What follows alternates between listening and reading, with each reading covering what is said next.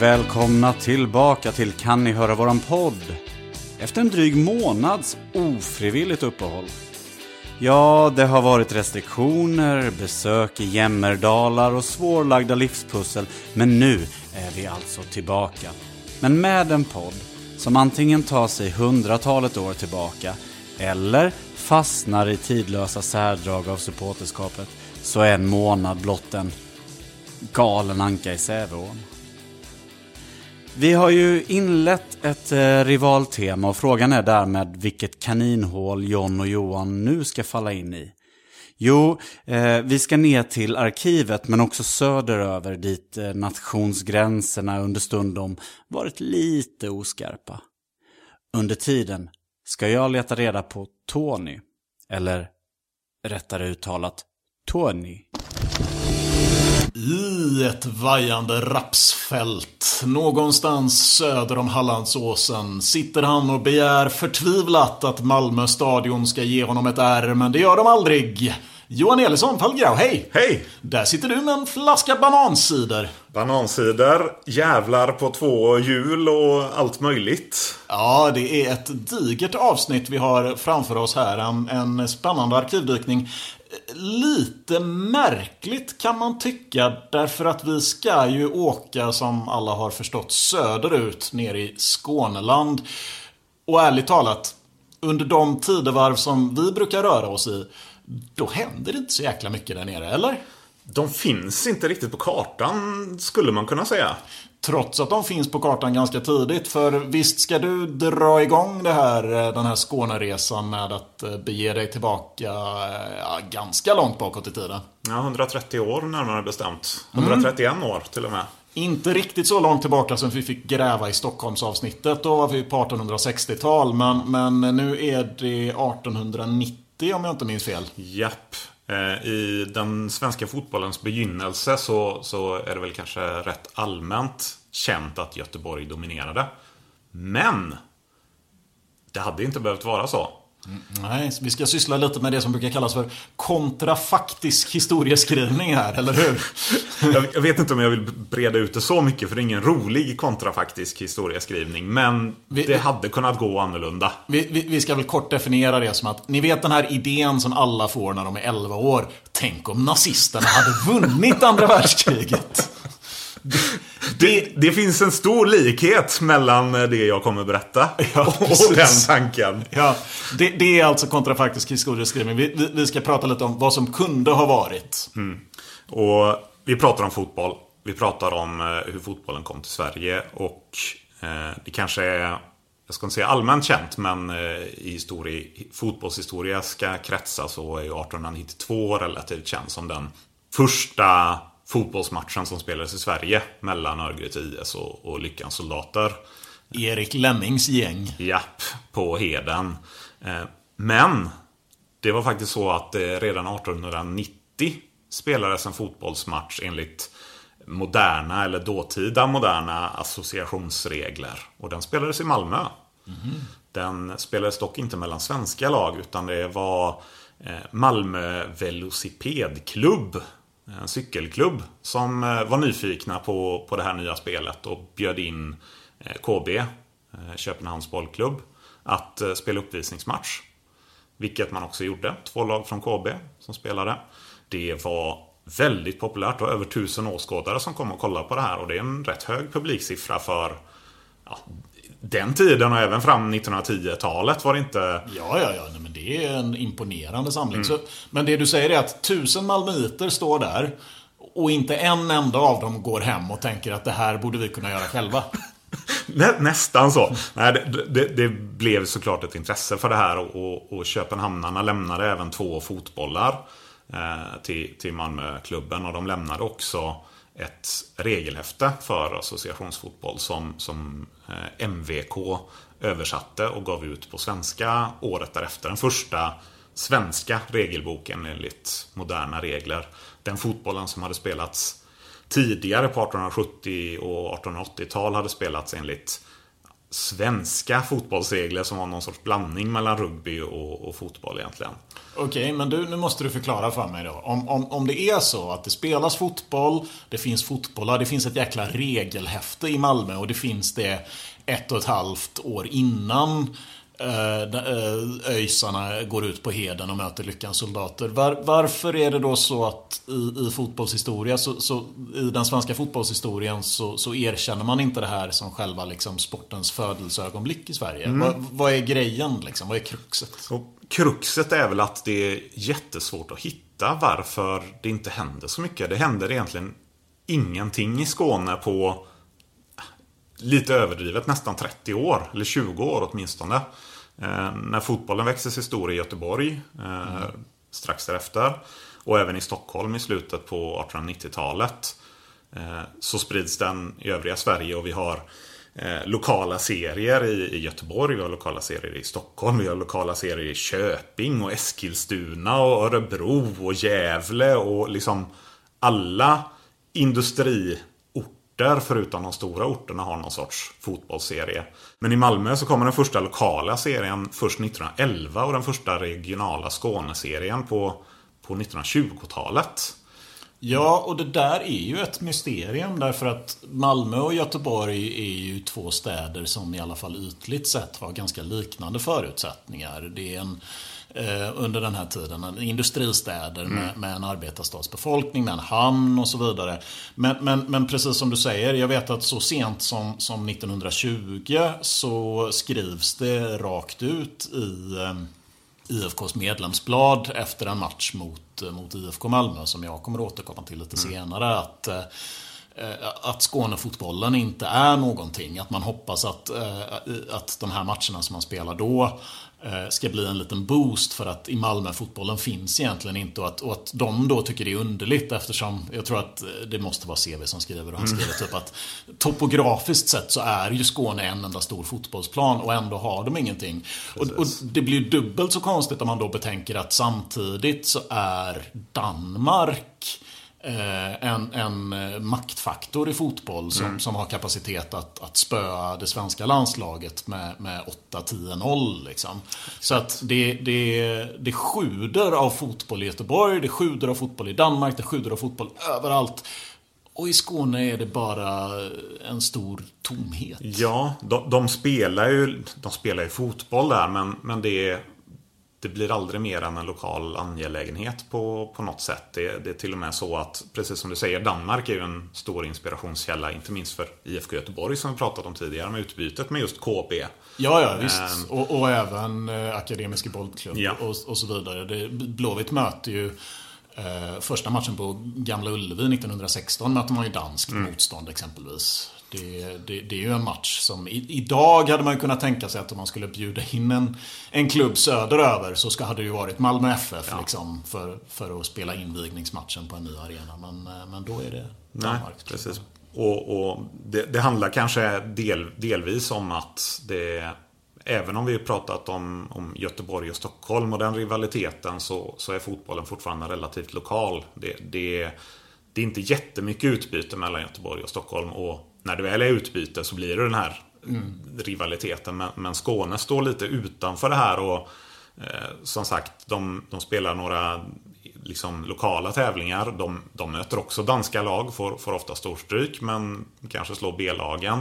Eh, det är till och med så att eh, Malmö BK som senare ombildas till Malmö Boys. De, de deltar i en dansk serie 1907. Mm. Eh, så, och, och man skriver i i eh, tidningar och pressen om eh, nästan kungariket Skåne som ett eget land i, i termer av fotbollsutvecklingen. Och det, ja, de, de kommer aldrig riktigt in på den nationella nivån på de här första 30 åren.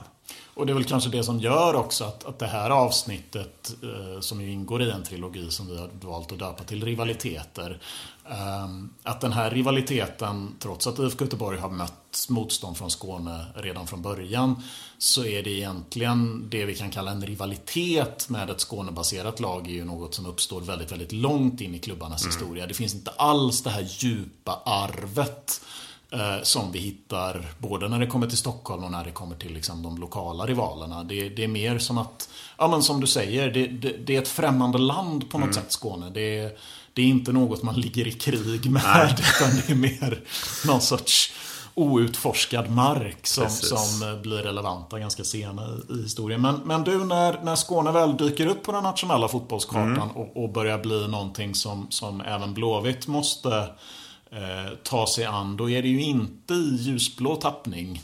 Nej, och, in, och, inte i gul. Och inte i gul, nej, precis som, som IFK Malmö. Utan eh, nu ska vi prata om mig. Ja! Eller hur? Vad har du för smeknamn? Vad har jag för smeknamn? Disco?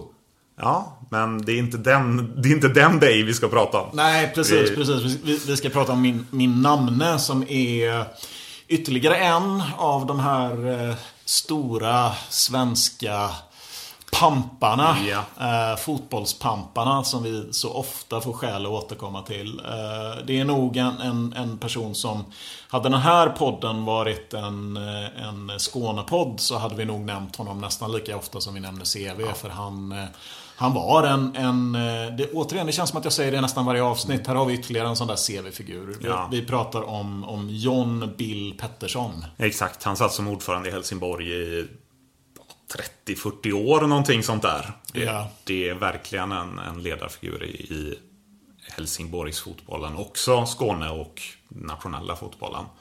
Eh, Helsingborg hade ju som egentligen första Skånelag eh, börjat sticka upp lite mm. i, i, kampen om, om eh, vilket lag som är bäst i Sverige eh, i mitten av 1910-talet.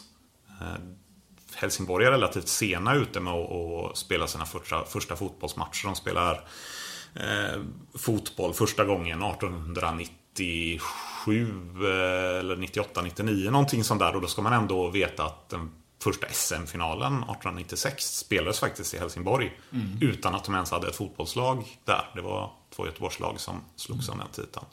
Eh, men eh, de sticker upp. 1914 och 1918 så går de till final i, i Svenska mästerskapet som är en kuppturnering på den tiden. Får stor stryk i båda matcherna tror jag förvisso, men eh, de, de tar sig ändå någonstans. För, mm. för i övrigt är det väldigt ont om Skånerepresentation där. Mm. Varken eh, IFK Malmö eller Malmö Boys. Eh, Malmö FF har knappt, knappt grundats på den här tiden. Eh, kommer särskilt långt i, i de turneringarna. Du, ehm, 1914 är det väl inte Blåvitt de möter i finalen? Nej. Nej. Det är eh, Djurgården om jag inte minns helt fel. Ja, men om finalen 1918 finns det en del att säga. Kanske inte så mycket om själva matchen. Ehm, däremot så, så eh, föregås den av eh, lite intrigerande som, som så här 100, vad blir det, 103 år senare. Ja. Är lite svårt att begripa men, men eh, det är en, en väldigt tydlig, vi, vi, har tidigare pratat om de här liksom, de ständiga eh,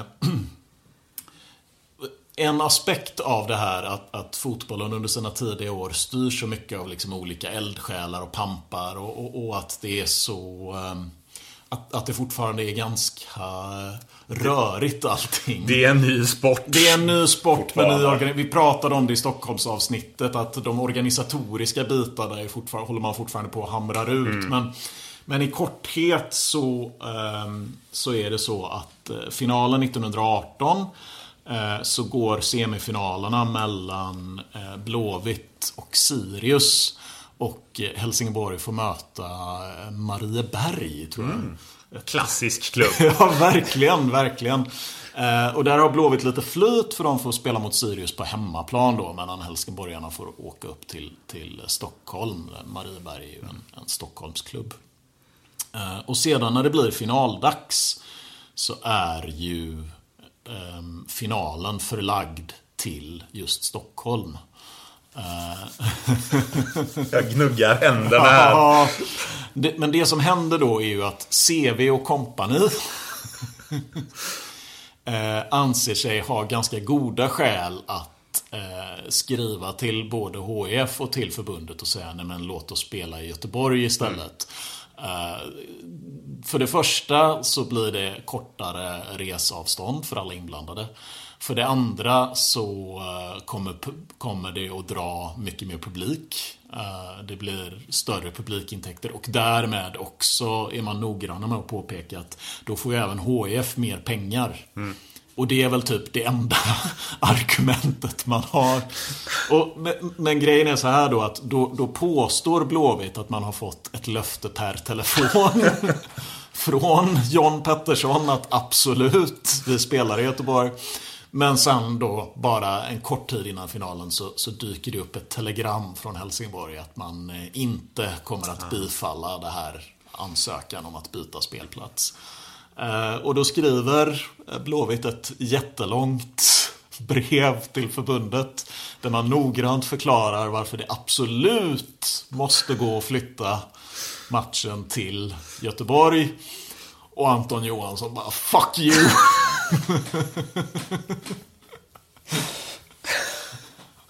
Fuck your whole crew. Ja.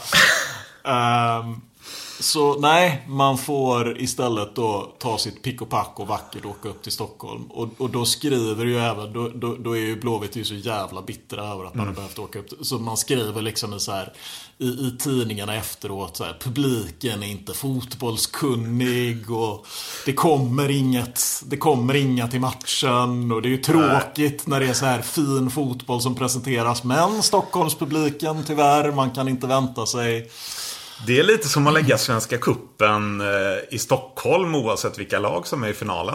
ja, men, det, alltså, vem skulle komma på den idén? Precis, precis. Och det, det, jag skulle precis komma till det. Att, att det här är ju, om, om det finns ett, ett av våra små, små glada teman här är att historien ständigt yeah. upprepar sig.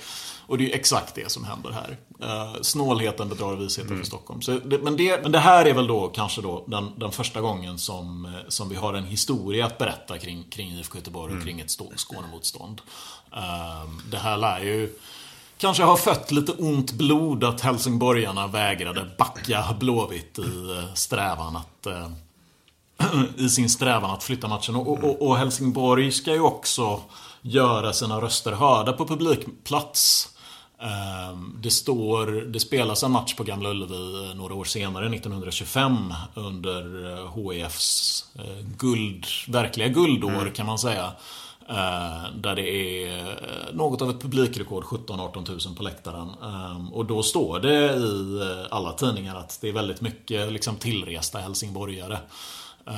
Just rutten Göteborg-Helsingborg var ju poppis i extra tågs. Ja, även om det ibland var för landskamper i Köpenhamn så... Ja, det, det, det har krökats friskt på, på den ja. rutten i, i alla tider kan man säga.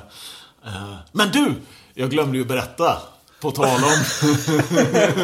Okej då. Du, du, får några minuter. Får jag göra en utvikning? Ja, du får göra en utvikning. Ja, har jag din tillåtelse? Ja. ja. Det är så fantastiskt att den här finalen eh, 1918 så berättas det ju i eh, Blåvitts medlemsblad att det är ju lite folk ändå som hakar på och hejar på. Och en av dem som, som hänger med upp till Stockholm står vid sidan av och, och hejar på de blåvita grabbarna i finalen. Det är ju eh, en bortglömd blåvit hjälte. Som jag nu äntligen ska få berätta om i Kan ni höra våran podd. Är du redo? Jag kommer aldrig vara redo för detta.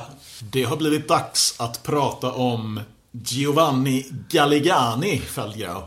Inte Galliano alltså? Inte Galliano. Ja. Och inte Gilardino och inte... Vad fan heter han mer? Han, och inte Gattuso heller. Nej. Den viktigaste italienaren i IFK Göteborgs historia, Giuseppe Galgani. Eh, en eh, fantastisk levnadsberättelse egentligen. Eh, en herre som föddes i Florens 1892. Och som, som 14-åring gav sig ut på vägarna i Europa. Och landade i Luleå. Av någon jävla anledning. Tro mig, jag vet att ni väntar där ute. Det här har, det här har relevans till IFK Göteborg. Vänta, vänta. Så, 14 år gammal landar en pojke från Florens i Luleå. Han får gå i svensk skola. Eh, och han bosätter sig till slut i Göteborg. Eh, där han blir våffelbagare. Och sen kommer cirkusen till stan. vänta, vänta, vänta. Det... Gå inte Fälldgrön, det här har... Cirkusen kommer till stan, de slår upp sina eh, tält eh, vid Gamla Ullevi. Den unge Galligani går dit, säljer våfflor. Cirkusen drar vidare, men han blir kvar på Ullevi. Giovanni Galligani sålde godis, våfflor och allsköns cigarrer. Kåldolmar har jag sett nämnas vid något tillfälle när jag har läst på om honom.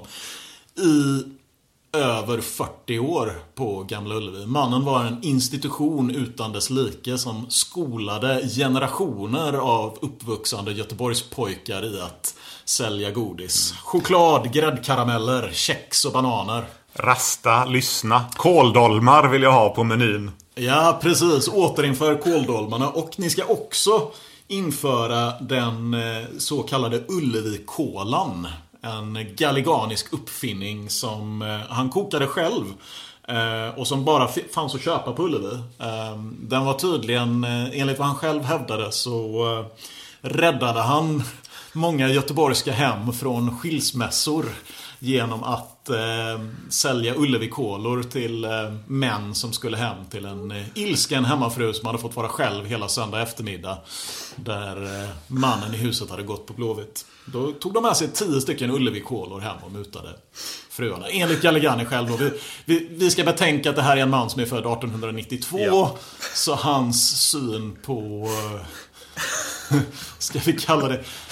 Hans genusmedvetenhet kanske inte var Nej ja, av den grad vi har. Men, men, men, eh, men Galligani var i alla fall, eh, enligt honom själv, blåvit. Eh, I själ och hjärta. Han hävdade ofta att Murren Karlsson, som kommer att dyka upp i Kan ni höra våran podd framöver, var den bästa fotbollsspelare han någonsin hade sett. och han är med och står vid sidan av Eh, när Blåvitt spelar den här matchen 1918. Och jag tycker att det är fantastiskt att en människa som tjänade Ullevi-publiken mm. i... Jag menar, här pratar vi om en, om en person som fanns på plats och sålde våfflor på invigningen 1916. Och som är kvar när Sverige spelar VM.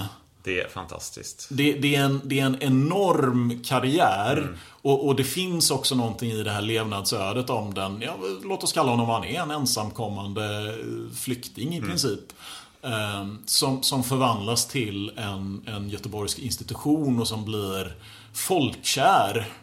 Eh, utan att få någon medial uppmärksamhet direkt. Jag, jag har länge velat ha en ursäkt att, att berätta om Giovanni Galligani i Kan ni höra våran podd? För att jag tycker att det är lite tråkigt att en människa som, som tjänade vår förening eh, på det sättet han gjorde under så lång tid eh, Ja. Jag, jag, känner mig fruktansvärd att jag aldrig hört hans namn tidigare. Ja, men nu, nu har ni hört hans ja. namn och nu har alla våra lyssnare också hört hans namn. Minst Giovanni Galligani. Återinför Ullevi-kolan. Och... Eh, kåldolmar. Och kåldolmar. Ja, cigarrer också ja. för den delen.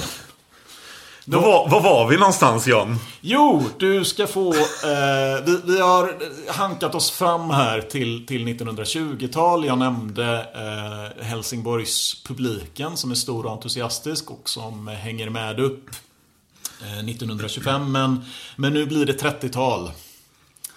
Ja. Eller? Eh, mjölkkossan 20-tal. Ja, just det.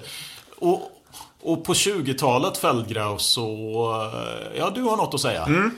Då, då blir faktiskt Helsingborg en, en kraft att riktigt räkna med. Stockholmsfotbollen är lite på nedgång. Eh, när den nya moderna allsvenskan drar igång 1924-25 så... De första fem åren så, så är det tre Göteborgsklubbar i topp. I princip varje säsong. Det, det enda laget som klarar av att utmana är, är Helsingborg. Eh, de har infört med hjälp av eh, John Bill Pettersson ett nytt spelsystem. På den här tiden spelar man 2-3-5. I princip alla lag spelar 2-3-5. Eh, I Helsingborg så har man inte riktigt samma spelarmaterial att plocka från och behöver anpassa sig mer. Eh, och inför ett mer defensivt, mer kontringsinriktat spel. Men också tillsammans med några skickliga Eh, spelskickliga spelare på, på mittfältet. så inför man Helsingborgssystemet som det kommer att kallas.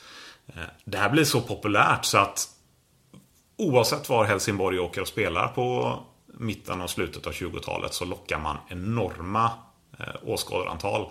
Första matchen över 20 000 åskådare i svensk fotboll är ÖIS som möter Helsingborg på Gamla Ullevi. Just det, då, då, kan man ju säga att den här matchen 25 som jag pratade om tidigare, att den ingår liksom i en kontext där Helsingborg är en publikmagnet Ja.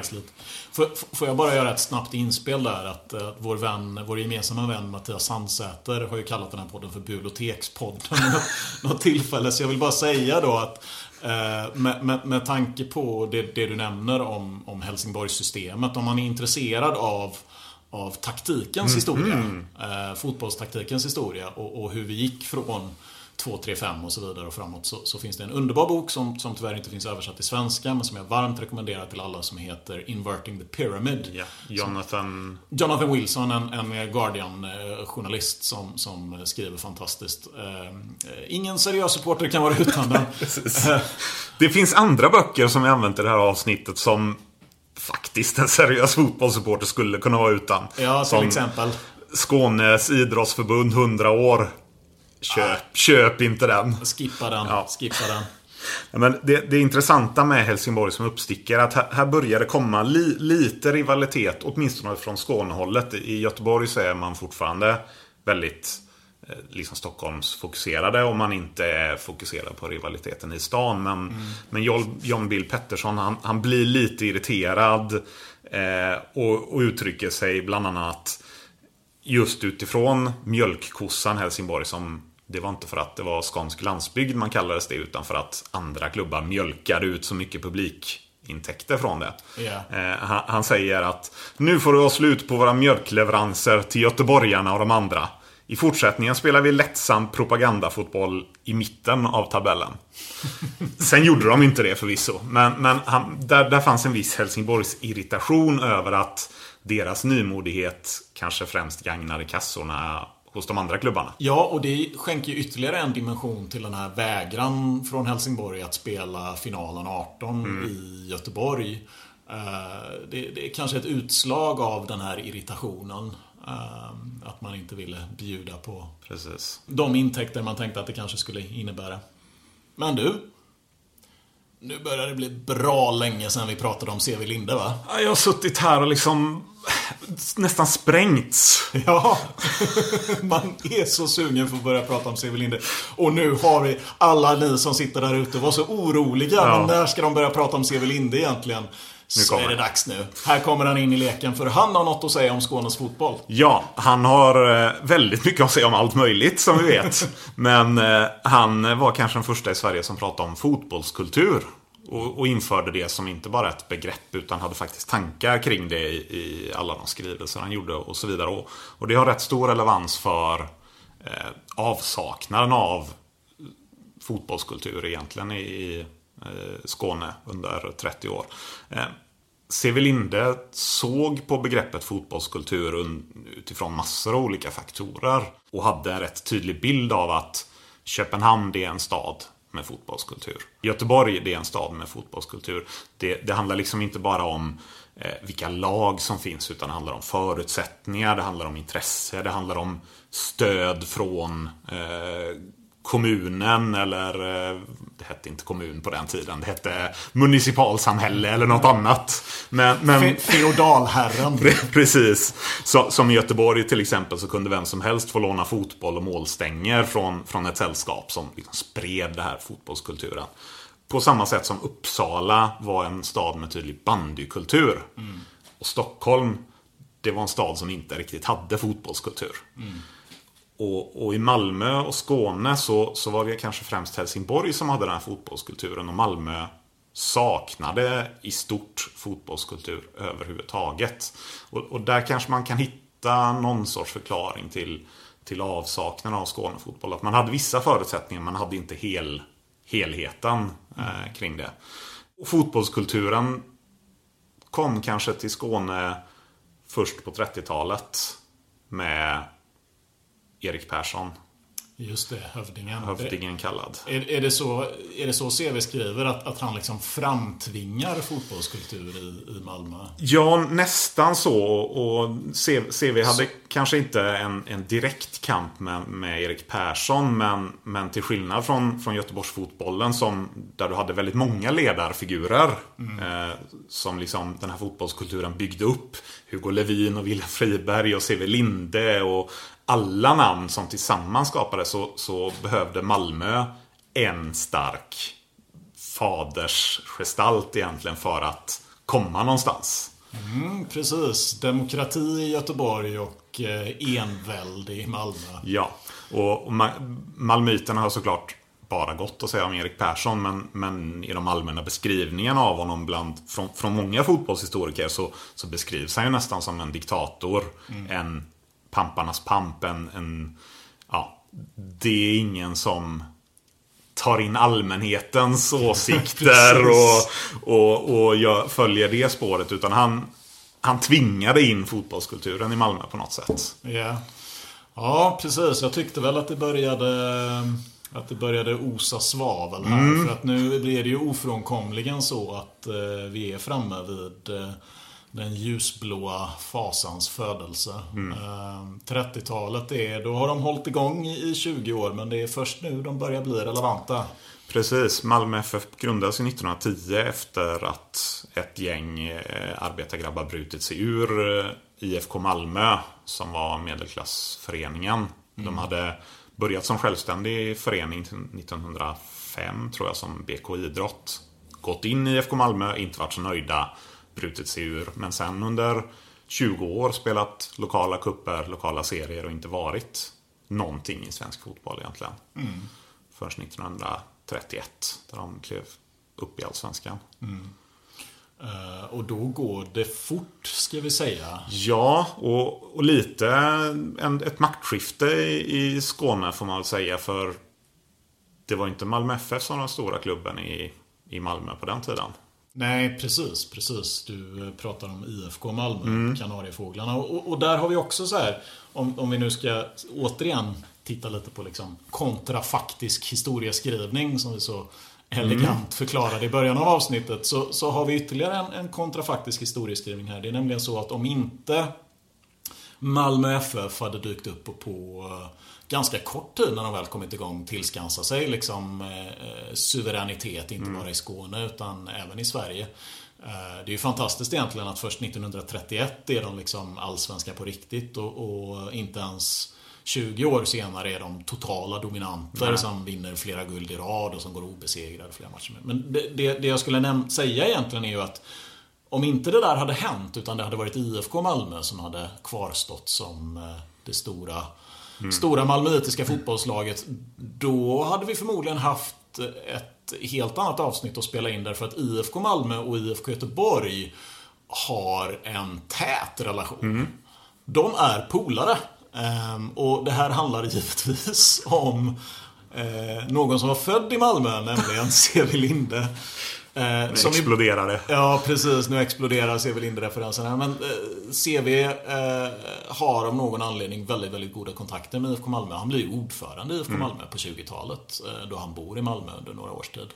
Eh, mellan 23 och 28 tror jag han är ordförande i IFK Malmö. Och, och, men redan innan dess så, är, så finns det en väldigt någon sorts ömsesidig kamratlighet mellan de här två föreningarna. Eh, jag ska ha två underbara små, små godbitar ur, ur eh, IFKs medlemsblad att, eh, att diskutera. Det, det, första är en match som, eh, just den matchen för övrigt som, som jag tror att jag nämnde tidigare där, där Blåvitt skriver att nu kanske det kan bli någonting med mm. Malmöfotbollen.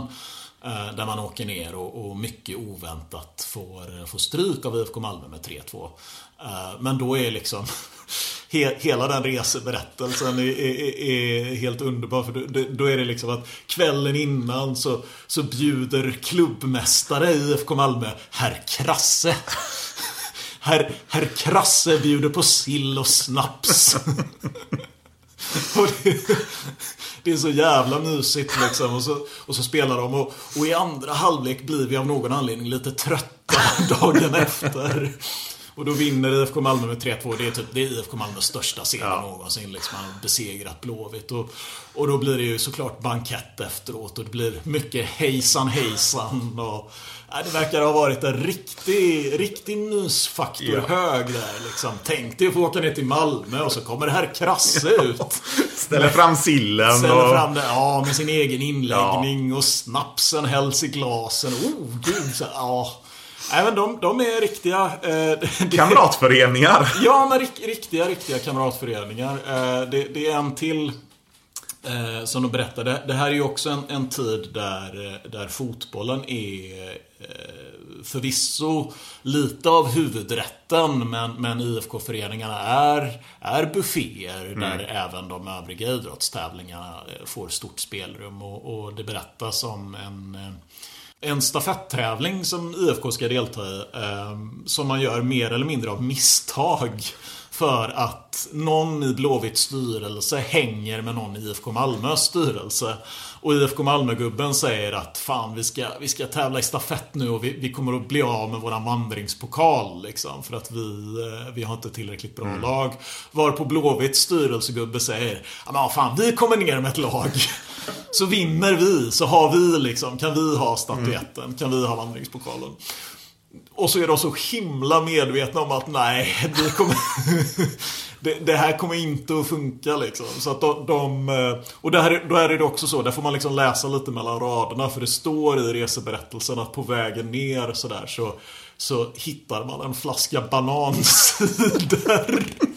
som, som någon trevlig tågvärdinna tydligen bjuder på. Och, och sen står det att liksom, ja men det, det, blev mera, det blev mera fart på oss än vad det var på tåget. Och någon så här, någon, försöker, någon hoppar av i Halmstad och vill åka hem igen. Och resten av laget måste så försöka övertyga dem. Nej, nej, du kan inte bara sticka liksom. Vi får inte ihop fullt lag då. Men det är så himla...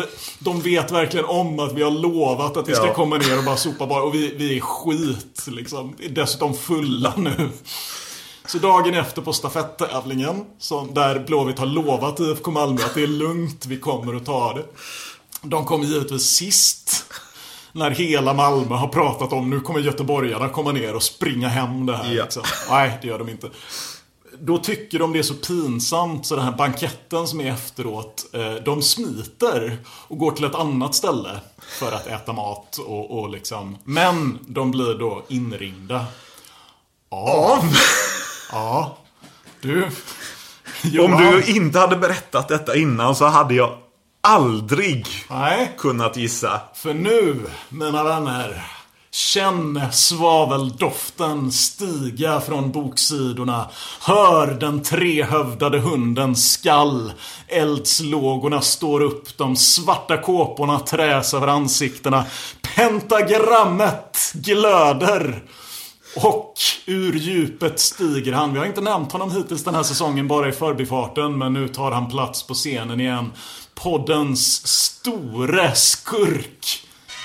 Gustav Sandberg. Petter, ge mig en orgelstöt. Klassisk skräckfilm, tack, ska det vara på soundtracket när vi nu plockar upp Gustav Sandberg. Det visar sig, förstår du. Jag blir fan inte klok på Gustav Sandberg. Det är så mycket som är skumt med den människan. För här dyker han upp Eh, tio år efter sin storhetstid mm. som eh, huvudfiende till alla blåvita i stan. Eh, och nu är han plötsligt Malmöbo och dessutom tydligen rätt bra kompis med Blåvita. För det är han som ringer och säger att skärp er, ni får ta och komma till banketten. Ja, ja, ja. Och så, och så, går de dit och så käkar de och sådär. Och sen så avslutas då eh, reseberättelsen med att det skrivs att, att eh, Sandberg hälsar till dem han känner. Um, så det är så oerhört skumt. Ja, det...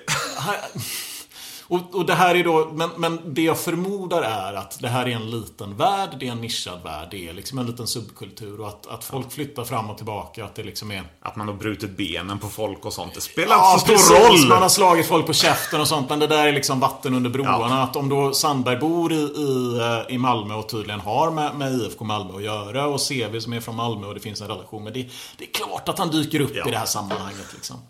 Men, men, men så långt IFK Malmö. Vi, vi, kan väl också då nämna helt kort innan vi rusar vidare att IFK Malmö har ju då Innan de försvinner ur, ur den blåvita historieskrivningen och, och ur eh, svensk fotbolls mm. historia så, så, spelar de ju eh, en, en biroll i eh, en av, ett av våra stora ögonblick. Mm. Guldmatchen på, på Malmö stadion. I maratonallsvenskan. 1958. 58 precis, där Bebben rullar in en straff. Och där Malmö-målvakten blir så bortfintad så han mm. tappar kepsen sägs det. Ehm, det är ju också en sån där, eh, man pratar om rekordår och publik, publiktilldragning. Mm. Där pratar ju spelarna eh, efteråt i media ganska öppet om att eh, publiktrycket har varit så stort på dem att det har varit riktigt jobbigt. Ja. Liksom. Det någon blåvit spelare som efter den matchen säger att fantasterna har varit så påträngande att han tycker bara det är skönt att det är över. Liksom. Precis, det var 10 000 åskådare på matchen tror jag. Och påstås vara över hälften blåvita. Eller mm. merparten står det till och med i källorna som är blåvita. Här har vi nu chansen att, att sätta eh, den blåvita fotbollshistorien och Skånes fotbollshistoria, eller Malmös fotbollshistoria, mm. lite i kontrast mot varandra. För att det är ju något udda med den här rivaliteten, eller hur? Ja, den finns ju idag, men den, den liksom... Om man kollar i tabellerna vi har inte varit i en guldstrid med, med ett Malmö-lag förrän 1980. Och det är det som är det, vi var inne på det tidigare att det här är en historia som, som är lång men som är tunn. Eller ja. vad man ska kalla det.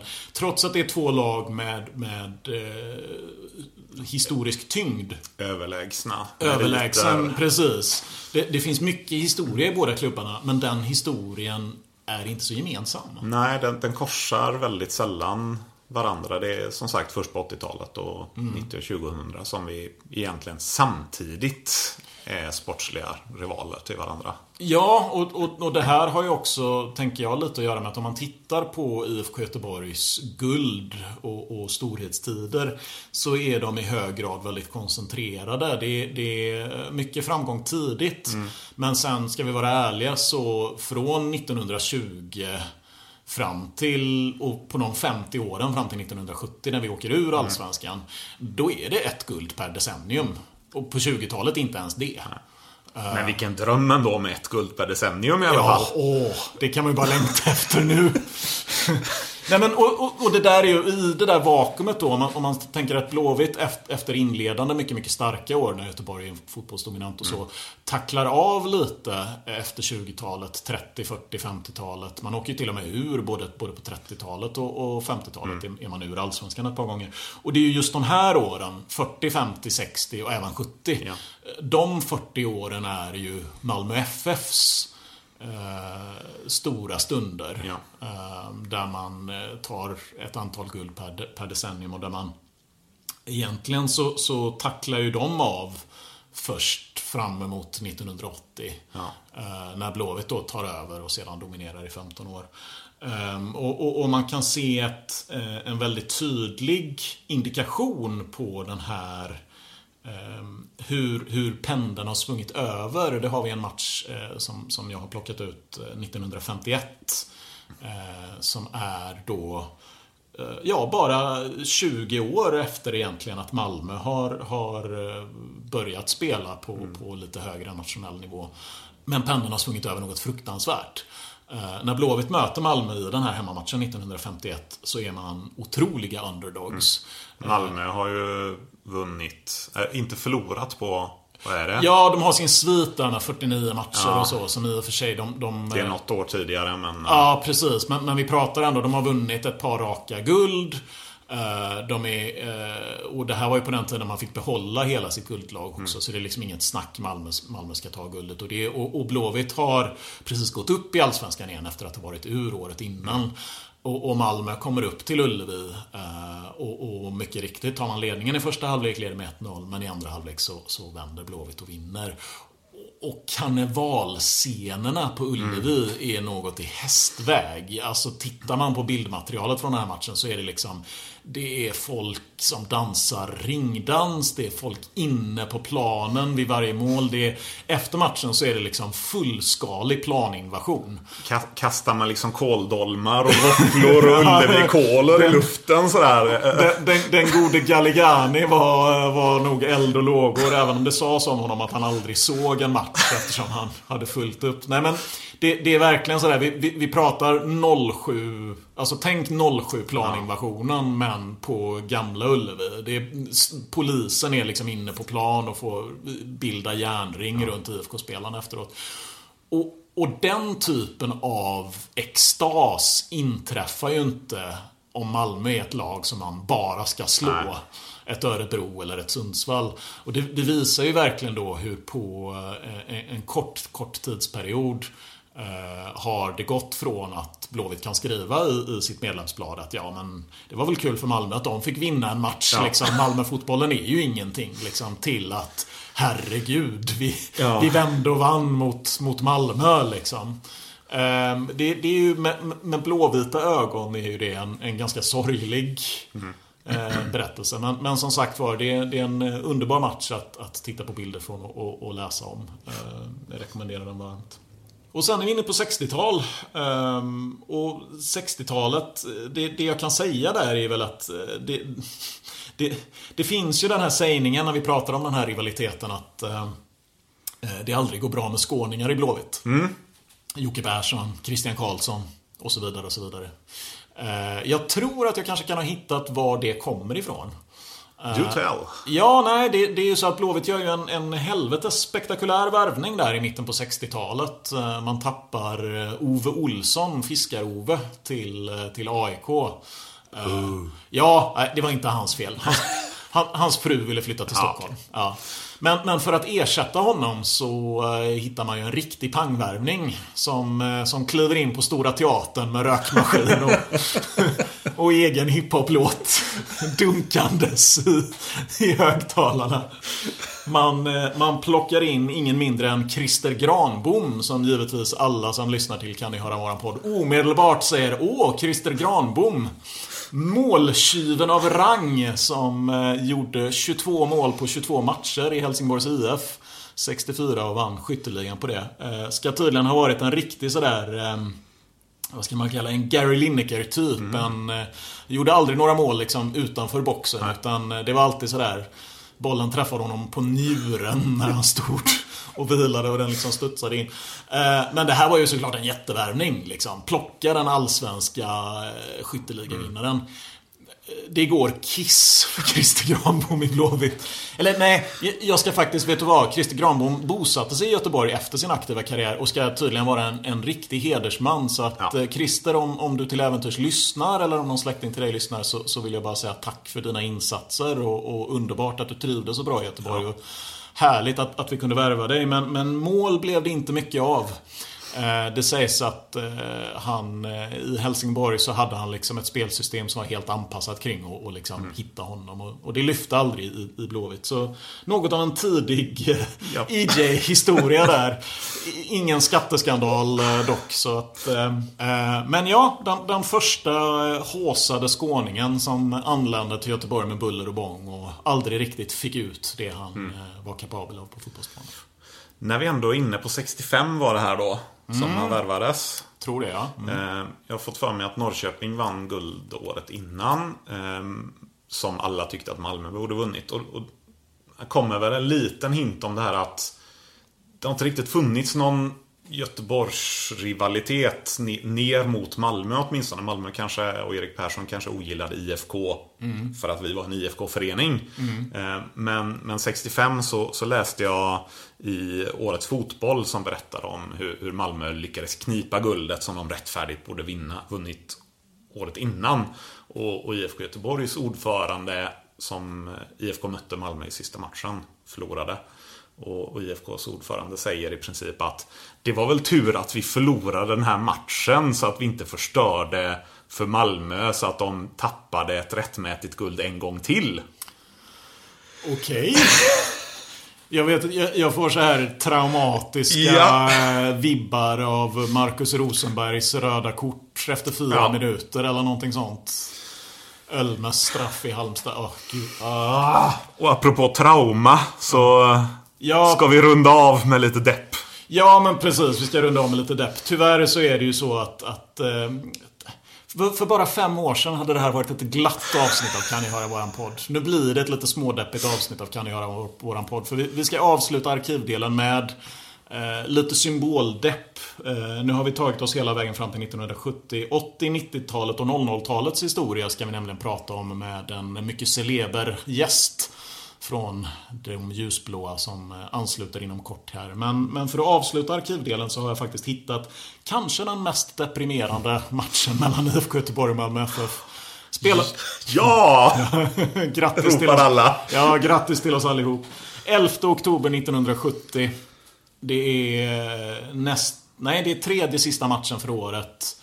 Eh, Blåvitt möter Malmö i eh, mycket, mycket tjusiga helvita bortaställ för övrigt. Något av en estetisk fullträff. Ja. Men på planen gick det sämre. Man förlorar med 2-0 och är därmed förankrad i bottenstriden.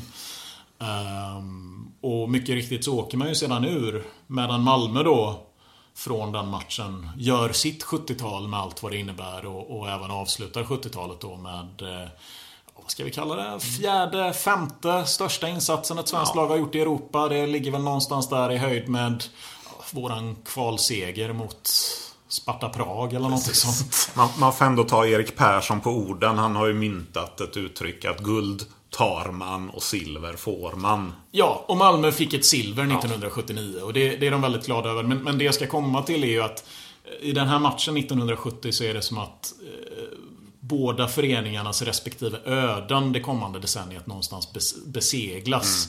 Där vinnaren i den här matchen, Malmö FF, skjuter fart mot ett 70-tal som då ska krönas med, eh, med en, eh, i, i deras ögon, storslagen Förlust. förlust. Medan IFK Göteborg då åker ur och ska tillbringa större delen av 70-talet i diverse lingonserier. Eh, tillsammans med Visby Gute och Blomstermål och sånt.